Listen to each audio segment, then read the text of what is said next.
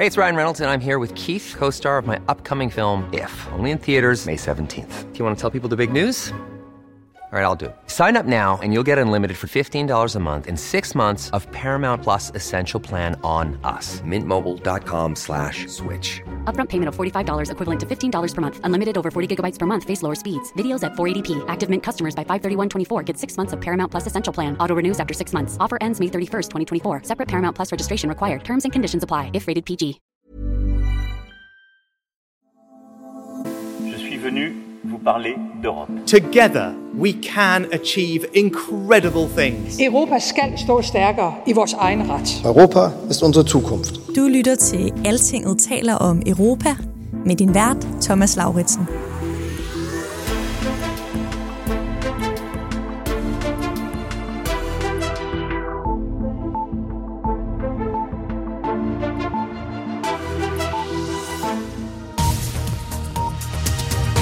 Prosecutors in Greece have frozen all assets of a Greek member of the European Parliament. Énorme scandale au Parlement européen où le Qatar est soupçonné d'avoir acheté plusieurs.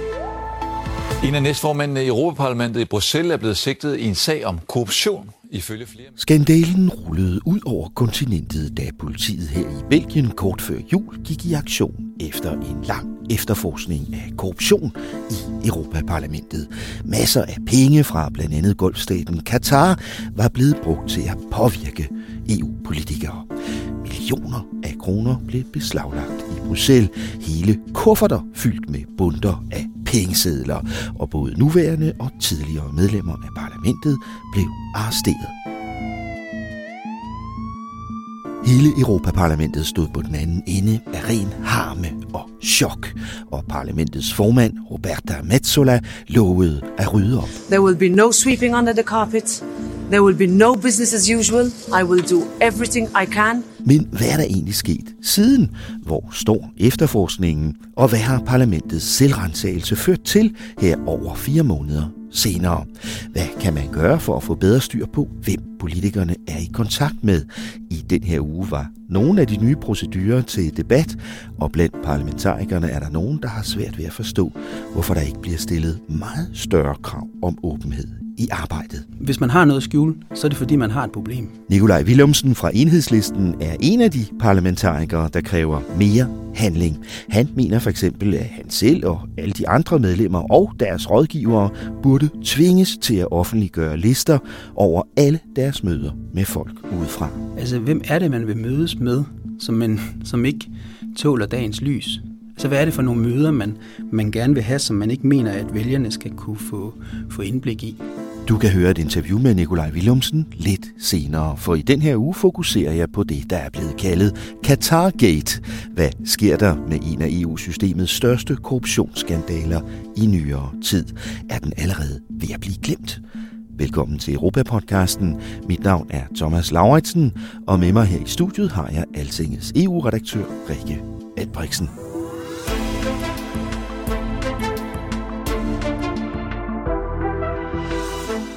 Thank you. My daughter is waiting for me, so I'm very happy that I will be with her in a bit. So thank you. Thank you. We will talk soon. We will talk soon. Thank you. Min datter venter på mig, sådan sagde den græske europaparlamentariker Eva Kaili, da hun kom ud af fængslet sidste fredag her i Bruxelles, hvor journalister fra mange lande kastede sig over hende.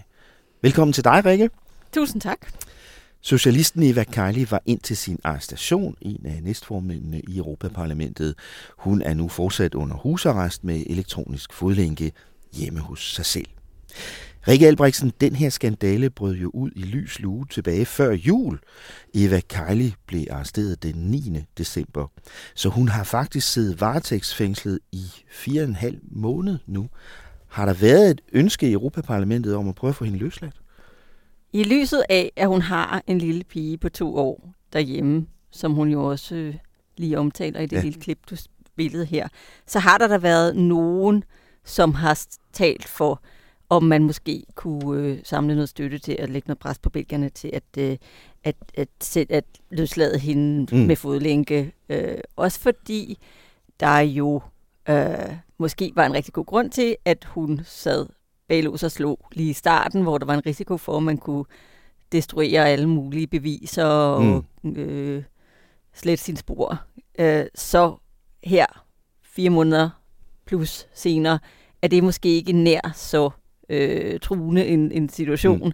Uh, så det vil sige, så er det måske længe, fordi altså, hun har jo ikke begået mor eller er farlig for sine omgivelser, mm. eller det, der ligner. Nej. Så blev spørgsmålet også sådan lidt, jamen, var det egentlig sådan lidt mere, at hun blev beholdt, fordi hun var en eller anden form for trofæ for øh, de belgiske mm. myndigheder, altså se, øh, hvad vi har fået til at gå ja. i nettet her. Så nærmest en galionsfigur for hele den her kæmpe politioperation, ikke? Jeps. Ja. Og der var der så nogen, blandt andet i den socialdemokratiske delegation over i Europaparlamentet, der på et tidspunkt prøvede på at få lidt, øh, lidt, opbakning til at, til at sende et brev øh, til, til at få, altså få, for at lægge pres på dem for mm. at, at få hende ud. Men det var der faktisk ikke særlig mange, der ville skrive under der på. Ikke så mange, der, der var, jeg tror, der er ret mange, øh, der bare ikke skal have noget klinket i den her sag, ja. som ikke på en eller anden ja. måde skal se, som om man prøver på at undskylde øh, for noget, der ser virkelig, virkelig grimt ud. Ikke? Ja. Uh, så ja, så det, det, det er nok ikke det, der har ja. fået, der har fået øh, de belgiske myndigheder til nu ja. endelig at, at løslade. Hvad, hvad siger danskerne, for eksempel de danske socialdemokrater?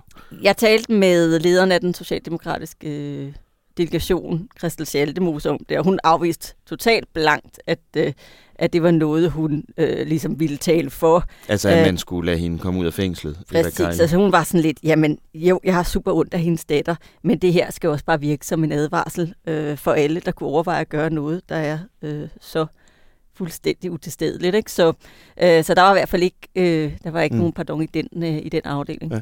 Hvorfor tror du, at det lige netop er hende, Eva Kejli, som der er så meget fokus på? For som jeg vil forklare øh, lige om lidt, så er der jo en del andre øh, mistænkte i, i den her sag. Jamen, det er fordi, hun står selvfølgelig super centralt i sagen. Øh, hendes kæreste øh, var jo højre hånd for ham, som øh, nok er æderkoppen i spændet i mm. den her sag. Ja. Øh, og længe så var hun altså også den eneste nuværende folkevalgte, der var impliceret, fordi mm. der var en tidligere øh, folkevalgt, der var en assistent og nogle flere, mm. men, men det var først et, altså, et par måneder senere faktisk, at, øh, at der røg to parlamentarikere til øh, mm. under lås og slå. Så, så det vil sige, at hun også på en eller anden måde jo var den, der havde det største politiske ansvar. Mm. Øh, og hun er næstformand i parlamentet, og hun er utrolig synlig, fordi hun er sådan en meget glamorøs person. Præcis, og derfor så er hun også jo bare sådan øh, bæreren af den her fantastisk spændende historie, øh, dramatiske historie om, om, om faldet fra magtens tjener. Mm. Øh, fordi hun er den her smukke, tidligere studievært, øh, person, der har alt. Altså hun... Øh, er i en god position politisk. Hun har en, en smuk øh, familie og en øh, sød lille datter og alle de der ting, ikke, som mm. hun så pludselig øh, får revet væk fra sig, fordi det, hun bliver impliceret i noget, som øh, er dybt kriminelt. Ikke? Mm. Og det, øh, det er jo bare en kæmpe fascination at gøre også bare, at den her historie har jo været altså lækker biskner for, for medier over hele verden, og har, har været sådan noget, som man, øh, som man også fik personificeret i hende. Ikke? Mm. Og som sagt, så, så var Eva Kaili øh, altså en af næstformændene i Europaparlamentet. Dem er der 14 af, øh, og de har mere indflydelse end de fleste på, hvad der foregår i parlamentet. I den rolle var der nogen, der undrede sig lidt over, at hun havde så utroligt travlt med at gå imod enhver kritik af lige præcis Katar og de kummerlige forhold, der var for indvandrere og arbejdere i, øh, i golfstaten herop til VM i fodbold sidste år. Hun sagde for eksempel sådan noget som det her. I allow said that Qatar is a front runner in labor rights, abolishing kafala and reducing minimum wage, despite the challenges that even European companies are denying to enforce these laws. They committed to a vision by choice and they opened to the world. Still, some here are calling to discriminate them. They bully them, and they accuse everyone that talks to them or engages of corruption. Katar er simpelthen en frontløber inden for gode arbejdsforhold, men golfstaten bliver diskrimineret i Europa, og hver gang nogen bare taler med Katar, så bliver de beskyldt for korruption.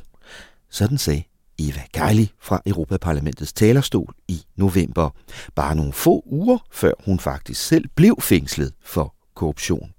Anklagen lyder, at hun medvirkede til at få udvandet parlamentets kritik af Katar, og at hun fik masser af penge for det.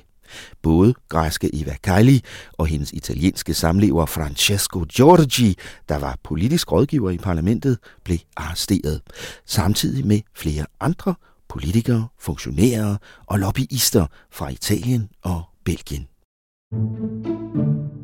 Den store internationale politioperation var frugten af et par års efterforskning med overvågning og hemmelig aflytning af en kerne af mistænkte, og da skandalen endelig eksploderede, blev den fuldt til dørs af detaljerede historier i belgiske medier.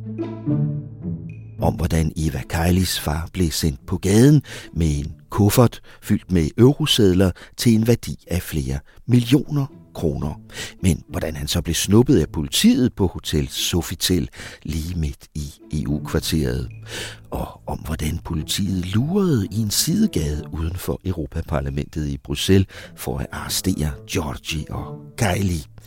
Bagefter var der også historien om, hvordan parlamentsformand Roberta Metsola måtte haste tilbage til Belgien fra sin hjemstavn i Malta for at være til stede, da politiet rensede huset hos en anden af de mistænkte, den belgiske europaparlamentariker Marc Tarabella.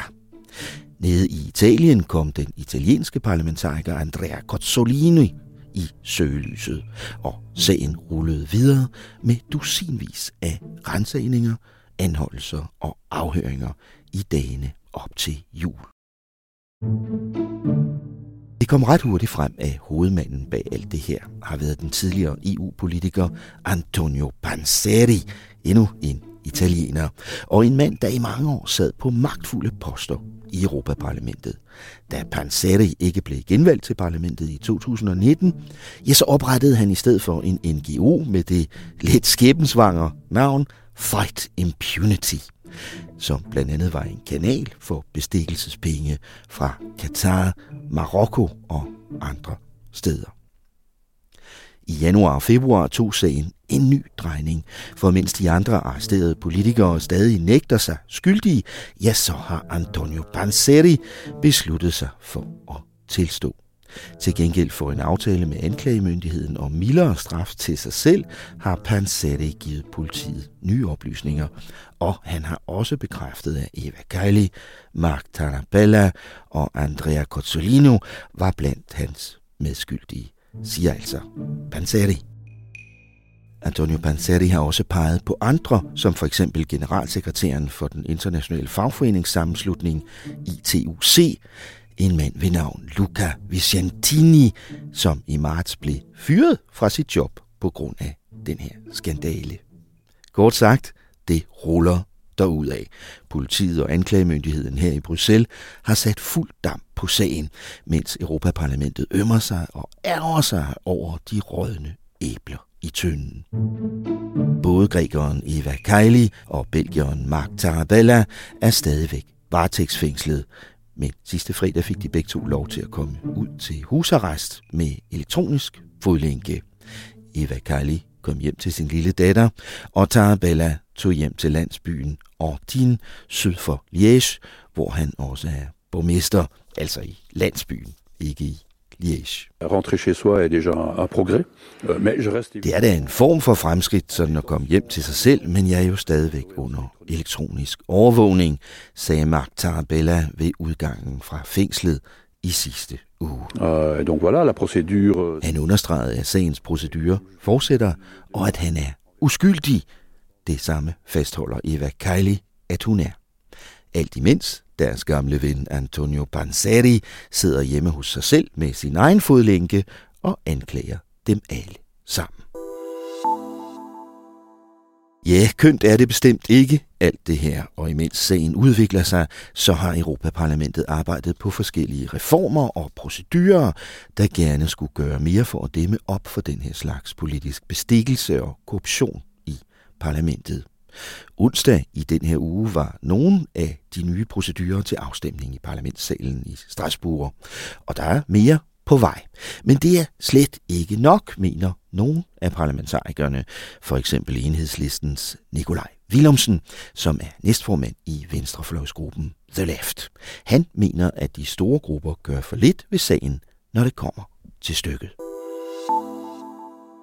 jeg tror, alle var fuldstændig forfærdet, øh, da vi øh, fik øh, den her Qatargate, der, der rullede. Og, og faktisk straks efter det, så vedtog EU-parlamentet på Venstrefløjsgruppens forslag 14 forslag, som man, man ville, man ville gøre noget ved. Derefter kom EU parlamentets formand Roberta Metto så, så med i virkeligheden en, en formindsket liste over ting, hun ville, ville gøre. Og det, der så i virkeligheden sker nu, det er så, at det, der reelt bliver gennemført, det er så en udvandet liste. Altså eksempelvis mangler der et obligatorisk krav om, at man registrerer, hvem man mødes med. Og, og, og det, det sker jo til himlen, fordi vi, vi taler om en situation, hvor, hvor der sidder øh, folk øh, sågar i, øh, husarrest og, og, øh, og på anklagebænken, medlemmer af EU-parlamentet, for at have, have modtaget penge øh, fra, øh, fra Katar og, og også Marokko øh, øh, for at, at påvirke deres, deres holdninger i forhold til de her to diktaturstater. Nikolaj Willemsen, nu, du er for eksempel koordinator for din gruppe, øh, Venstrefolksgruppen, øh, i beskæftigelsesudvalget. Er du så forpligtet til at registrere alle de møder, du har med organisationer og, og personer udefra? Nej, det er jeg ikke. Overhovedet ikke. Og, og, og det, det er du ikke? Nej, det er jeg ikke. Heller ikke øh, med de regler, der lægges op til nu. Du gør det så alligevel, ved jeg. Øh, men hvordan kan det være, at man ikke er, er forpligtet til det? Hvad er man egentlig forpligtet til? Jamen, man kan sige, det man, man, man prøver at få indført, at man er forpligtet til, det er ligesom, at hvis man er øh, øh, reportør på en, på en fil, altså hovedforhandler på en fil, hvis man er øh, skygge øh, fra en af de politiske grupper, der forhandler en, en, øh, en fil, eller hvis man er udvalgsformand, så skal man ligesom oplyse, hvem man mødes med i den sammenhæng.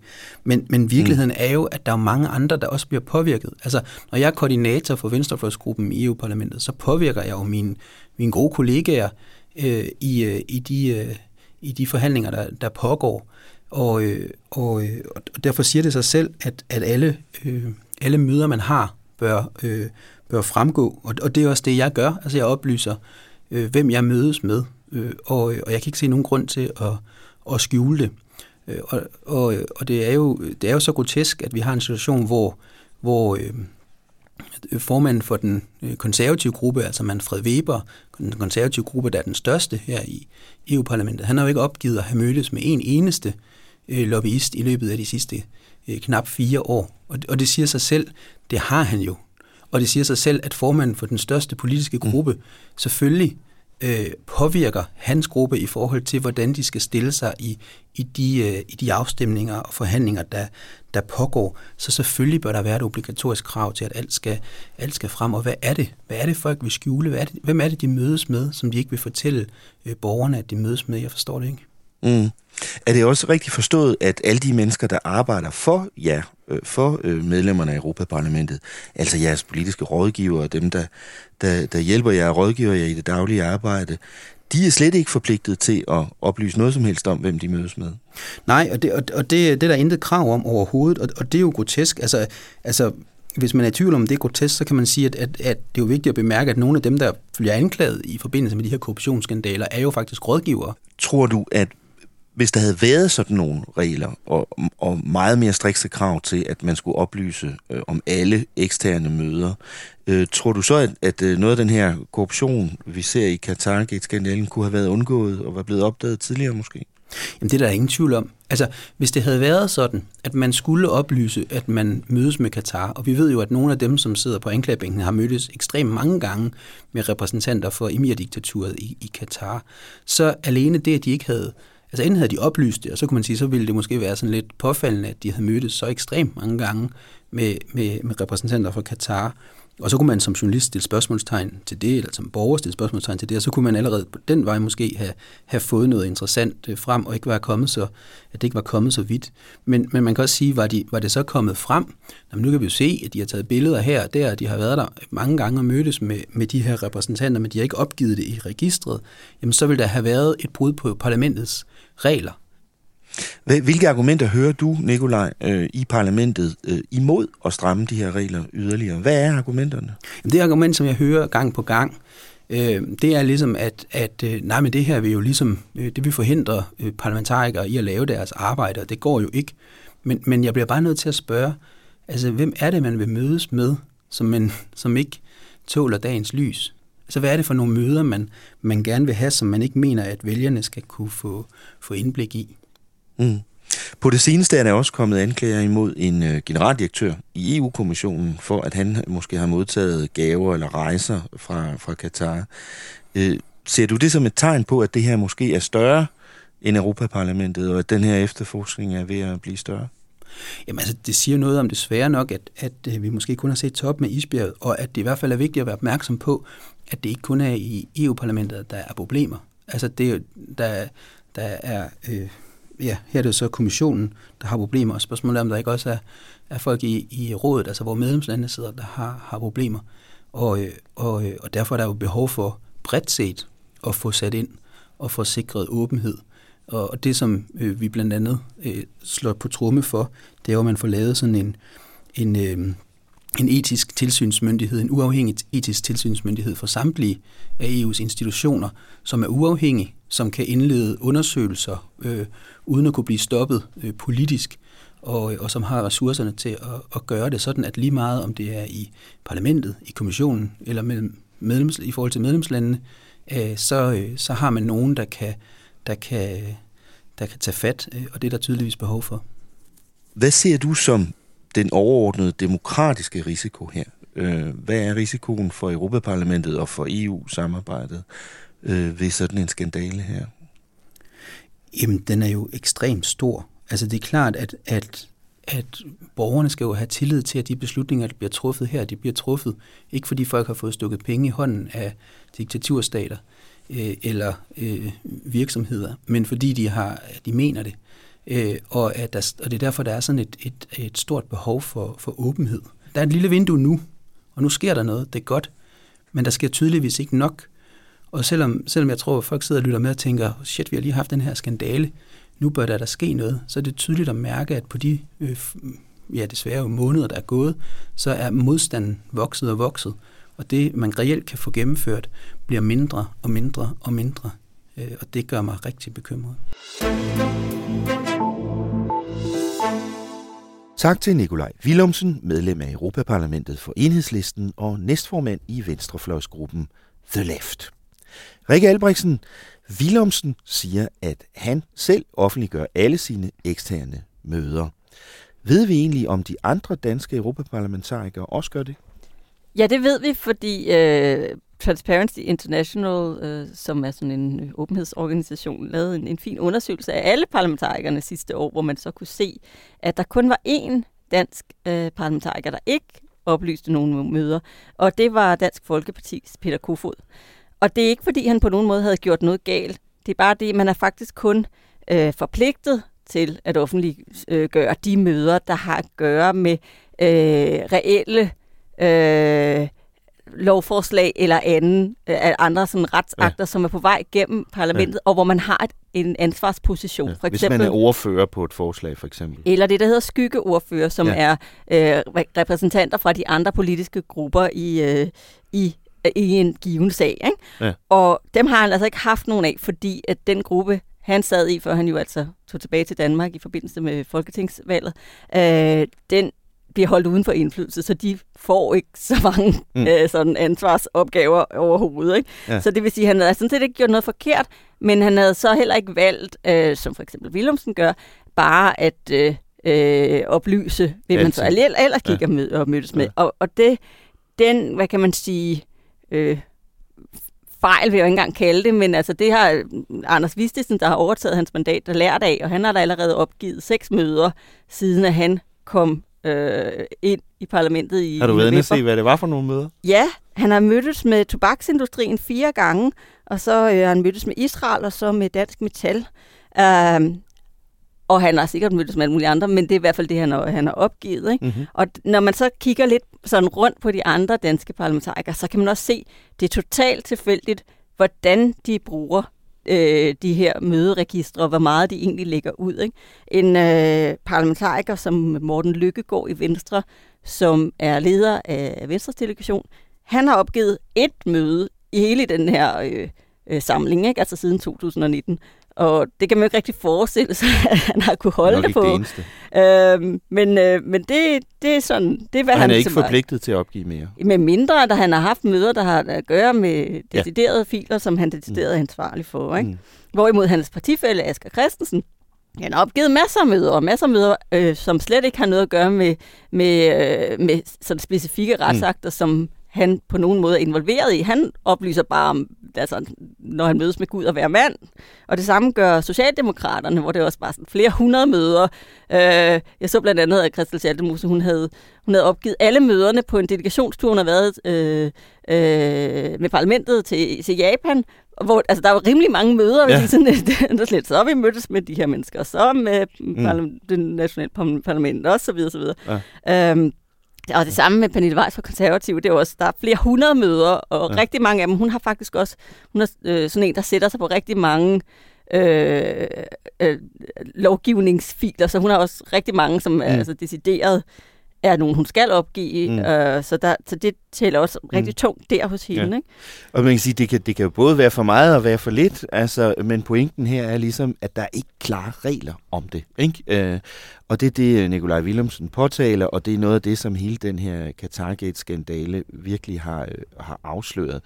Øh, nu er der så sat ting og sager i gang. Altså, der er en opfølging fra parlamentets side, øh, hvor man forsøger at stramme regler og procedurer. Hvordan går det med det, Rikke?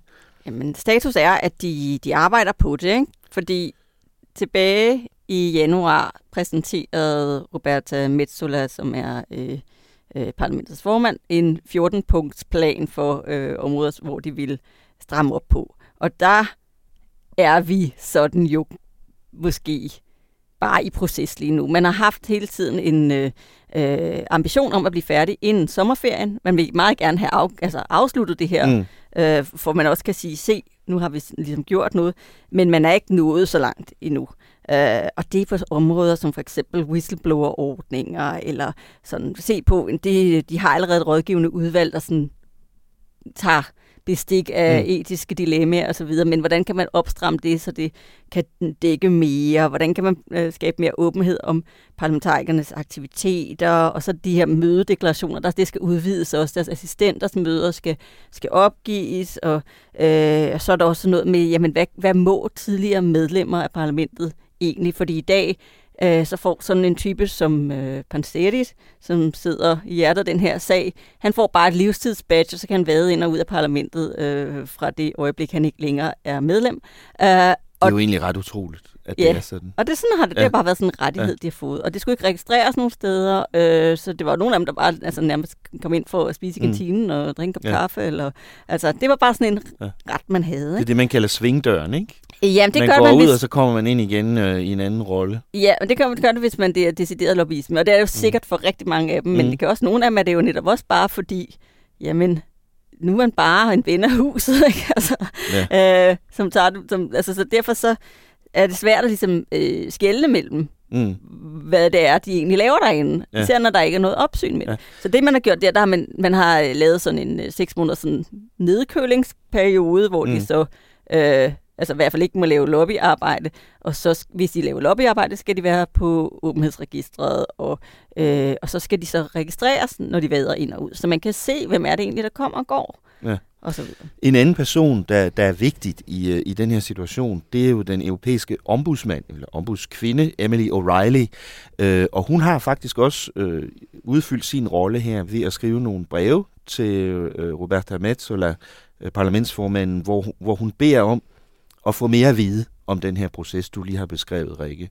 Øh, og, og hun efterlyser mere præcision af, hvad er garantierne for, at det her rent faktisk bliver til noget? Præcis. Hun går igennem alle de her 14 punkter og, mm. og, og, med, og kommer tilbage. Det er også derfor, det tager lang tid, det her. For ja. hun kommer så tilbage ja. i marts her og siger, øh, det er rigtig fint. Vi har lige nogle spørgsmål, som er rigtig, rigtig mange spørgsmål. Og et af de spørgsmål, der går igen rigtig mange steder er, men hvad er sanktionerne? Hvad skal der ske, hvis man ikke for eksempel har øh, udfyldt sine fin- finansielle deklarationer, som alle øh, parlamentarikerne skal, men som ikke alle tager lige seriøst. Jeg kan huske, hvordan øh, tidligere parlamentarikere for både Venstre og for Radikale, Jens Rode, han havde udfyldt, at hans, et af hans tidligere værv var Master of the Universe, bare som sådan en ironisk, øh, øh, se hvor idiotisk jeg synes det er, at jeg skal udfylde de her papirer. Ikke? Altså, ja. Så, øh, men at, at øh, Altså, så hun vil bare meget gerne høre, jamen, hvordan, altså, hvordan går det med alle de her ting, hvordan, øh, mm. øh, øh, hvad, hvad vil vi gøre? Og så også, hvad er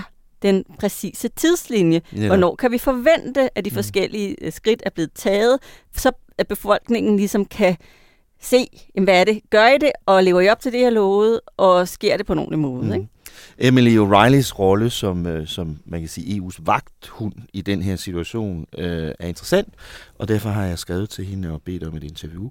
Øh, lad os se, om det lykkes at få det i hus i den kommende tid. Tilbage i december sagde formanden for parlamentet, Roberta Metsola, sådan her. takes years to build trust, but just a moment to bring them down. So my message will be that there will be no impunity, there will be no sweeping under the carpet, there will be no business as usual. I will do everything I can together with my colleagues in order to restore the position as the house of democracy. Har Nikolaj Willumsen ret, når han siger, at det bliver udvandet i forhold til Metsolas løfter? Det er jo grupperne selv, der har stillet sig bag de her stramninger. Alle Mm. sammen, ikke? Jo. Øh, Så egentlig er det jo mærkeligt, hvis det kommer til at ske. Og det er da heller ikke noget, som vi sådan benhårdt kan se, øh, øh, at, at der skulle være bevis for. At, Mm. I og med, at vi er midt i den her proces, så er det jo sådan lidt svært at gøre sig øh, til dommer over øh, noget, der ikke faktisk er, øh, er udfærdiget endnu. Mm. Ikke?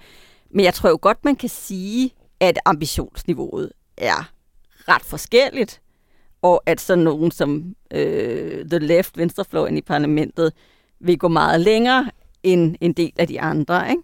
Mm. Så, så derfor kan man, så er der sikker på, at Nikolaj Willumsen er super skuffet over, at det ikke går hurtigere, mm. og det går mere chipt og så videre. Og, og det, øh, men der, der må man så også bare sige, at det han, øh, det at han øh, for eksempel ikke synes, at man har øh, gjort nok når, øh, med de ændringer, man har gennemført i den her uge, hvor man har øh, strammet nogle ting op, det, det, det man har gjort den her uge, har sådan, er sådan set adskilt fra er kun en del af det. 14-punkts Ja. øh, Mm. Ja. planen.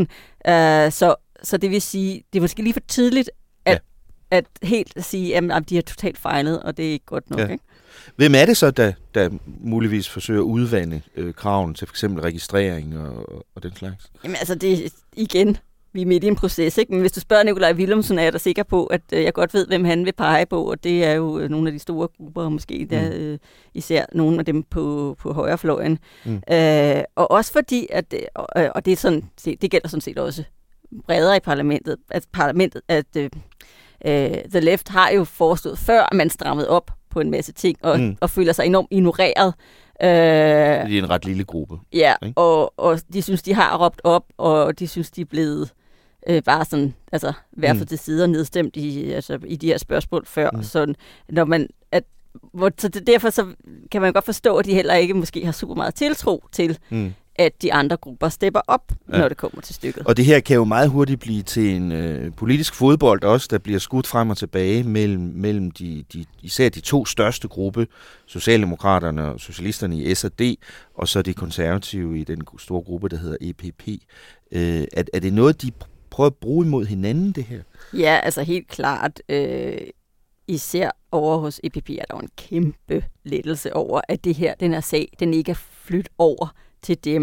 Øh, For, for det er øh, især øh, socialdemokratiske og socialistiske politikere, der Det er involveret. SRD-medlemmer, der Ja. er i fedtefadet i den Ja. her sag. Ikke? Jo. Og derfor så øh, har de jo gjort meget ud af, at det var de her rådne æbler over hos socialisterne, som der var noget galt med. Mm. Og så har, har de også hos EPP, de har prøvet at flytte fokus øh, over på NGO'er og deres indflydelse, netop fordi, at i hjertet af den her sag, der er jo den her NGO, som hedder Fight Impunity, som... Lidt øhm, uheldigt navn set i bagspejlet for ja. Pansati. Bekæmp- Jeg laver lige en NGO, der hedder Bekæmp straffrihed. Ja, præcis. Men øh, nu er jeg selv i ballade, ikke? Ja. Um, og, og det, han brugte den til, var jo sådan en slags skalkeskjul for, ja. øh, at han øh, var inde og kæmpe for alle mulige fine rettighedsprincipper, øh, når han i virkeligheden var talerør for øh, Marokko og Katar. Ikke? Mm. Um, så det, det har EPP ligesom brugt den, gjort til sådan en helt kampagne, hvor man prøver at sværte hele sådan NGO-branchen til. Øh, og det er sådan, det er jo sådan lidt spøjs, når man kommer fra Danmark, sådan forenings-Danmark, hvor vi jo godt ved, at en forening, det kan jo være alt fra, du ved, de lokale træskodansere til øh, altså frimærkesamlere til alt muligt, alt muligt sådan, til altså. tobaksindustrien eller pelsindustrien. Eller så det er jo ikke ligesom, der er ikke en, sådan en inddeling eller, i gode og onde, ja, det er jo mm, bare en ja. forsamlingsstruktur, ikke? Mm. Øh, men der er bare et eller andet ved det der med, at, at det bare er den her hellige rettigheds-NGO, som er blevet taget med fingrene så gedint i kleinekassen, der gør, at det på en eller anden måde bliver sådan en, det bliver et dejligt mål for, mm. for højrefløjen, som tit er irriteret på øh, mm. særlige rettighedsorganisationer og, og det lige, fordi ja. de nogle gange er en torn i siden på dem. Jo, ikke? Er der en risiko for, at, øh, at hele den her Qatargate-skandale øh, breder sig til EU-kommissionen også? Jamen, det er der jo, og har, det har der jo, det er jo allerede gjort, og det er altså ikke noget med kufferter med penge, øh, men det er bare sådan, at nu bliver der altså set på, hvad er der egentlig øh, af støtte udefra på den ene eller anden måde. Og der kom det jo frem, at øh, generaldirektøren øh, for, for transport, en fyr, der hedder Henrik Hololej, han havde takket ja til gratis øh, rejser til Katar. Og det var helt fjong, øh, mente han, for der var der givet grønt lys øh, over i kommissionen til af ham selv. Ham selv. Fordi det var sådan i, i, i, de, øh, i den måde, man godkender ting på inden for generaldirektoraterne, så er det så ham som den øverste chef, der selv skal sige, om noget han er okay godkendt sin egen betalte rejse. Ja, og det så jo ikke så godt ud. Ikke? Nej. Men når jeg siger gratis rejser, så mener jeg jo ikke, altså, at de havde sendt ham og hans familie på badeferie eller noget lignende. Altså, mm. det var øh, når han var inviteret som taler hos forskellige industriorganisationer inden for hans område, altså sådan noget Center for Aviation og The Arab Air Carriers mm. Organization, hvor han skulle ud og holde taler mm. om, hvad EU nu ville på luftfart osv. Men det skete bare præcis samtidig med, at øh, at øh, Qatar var ved at forhandle en aftale øh, om det, der hedder Open Skies, som er de regler, der øh, afgør, hvordan luftfartsselskaber må, flyve og lande og lette og så mm. videre mm. i, i Europa. Um, og derfor så, så det sådan lidt mærkeligt ud, yeah. uh, at han på en eller anden måde var... Altså, og så kunne det se ud, som om han var i lommen på dem på en eller anden måde. Selvom det var alle talerne til de her, uh, til de her uh, mm. uh, møder, som fik tilbudt at få deres billet betalt. Ja. Så det er ikke fordi, der er noget, der tyder på, indtil videre i hvert fald, at der skulle være noget som helst uh, link fra ham, den her generaldirektør i kommissionen, over til Panseri og, Ej, nej, og, og den anden ikke. sag. Altså. Men der er alligevel en forbindelse man siger, politisk og i opfattelsen i offentligheden. Ikke? Og, og det, det skriver øh, ombudsmanden Emily O'Reilly også i et brev. Hun har nemlig skrevet et brev til kommissionens formand Ursula von der Leyen om den her sag, du lige har beskrevet, Rikke. Og, og i det brev advarer O'Reilly også om, at det politisk kan blive kædet sammen i offentlighedens opfattelse af EU, og derfor blive skadeligt. Ikke? Mm. Og det er jo mm. rigtigt, fordi nu, nu tænker man på grund af hele den anden skandale, når man så hører den historie med transportgeneraldirektøren, så, så sidder man og tænker, er der måske en kuffert med penge et eller andet sted? Mm-hmm. Under hans, de den lige på det øh, under hotel, som de sikkert også, også har betalt, ikke? Ja, ja. Øh, og det er selvfølgelig øh, potentielt meget skadeligt for EU's øh, image. Jeg tænker, Rikke, at, at det her kan blive et troværdighedsproblem, eller i hvert fald hvis jeg var europaparlamentariker, ville jeg være bekymret for, om det her bliver et troværdighedsproblem op til Europaparlamentsvalget næste år. Jamen det tror jeg ikke. Der er en eneste parlamentariker, der ikke tror, det bliver. Altså det er jo øh, et kæmpe, kæmpe, kæmpe øh, forklaringsproblem, som de har. Ikke? På trods af, at egentlig så der var ikke noget i den her sag, som ikke bare var drønulovligt i forvejen. Så det vil sige, det er jo enormt svært at sige, jamen vi skal, øh, vi skulle have gjort alt muligt anderledes, fordi det, det er jo ikke fordi, at det var tilladt at lave noget af det, som, øh, som de har gjort i, øh, i den her sag med at tage imod bestikkelse. Øh, men samtidig så ville de jo virkelig klæbe dem så at få gennemført de her ændringer, som de selv har lagt op til, så man, at man kunne få en eller anden form for punktum øh, Øh, i god tid før parlamentsvalget, sådan at de kan vise tilbage til det og sige, prøv at se, det er rigtigt, prøv lige, øh, vi, vidste godt, vi ved godt, at der måske var nogle øh, huller i, øh, i boldværket mod øh, indflydelse udefra. Se, hvad vi har gjort, og vi håber nu, at selvfølgelig, selvom man ikke kan øh, øh, gardere sig mod 100% kriminelle typer, så kan vi i hvert fald øh, sørge for, at de regler, vi har, ikke gør det for nemt at øve indflydelse mm. øh, på en måde, som øh, er mm. usund. Mm. Ja. Uanset hvad, så, så tænker mange europaparlamentarikere nok nu, på trods af, at de fleste af dem jo overhovedet ikke på nogen måde er involveret i korruption, så tænker mange af dem nok nu, risikerer det her at blive det eneste, jeg bliver spurgt om til valget øh, næste år. Så det store spørgsmål er, når de har fået gjort noget, som du sagde, Rikke, og hvor stor indflydelse får den her skandale på valget, det europæiske valg næste forår. Tak til dig, Rikke. Vi ses i næste uge. Det gør vi. Tak fordi du lyttede med på Altingens Europa-podcast i den her uge. Mit navn er Thomas Lauritsen. Jeg havde EU-redaktør Rikke Albrechtsen med i studiet, og det var Clara Vestergaard Lausen, der redigerede. Tak for i dag. Lyt med igen næste uge, lige her, hvor Altinget taler om Europa.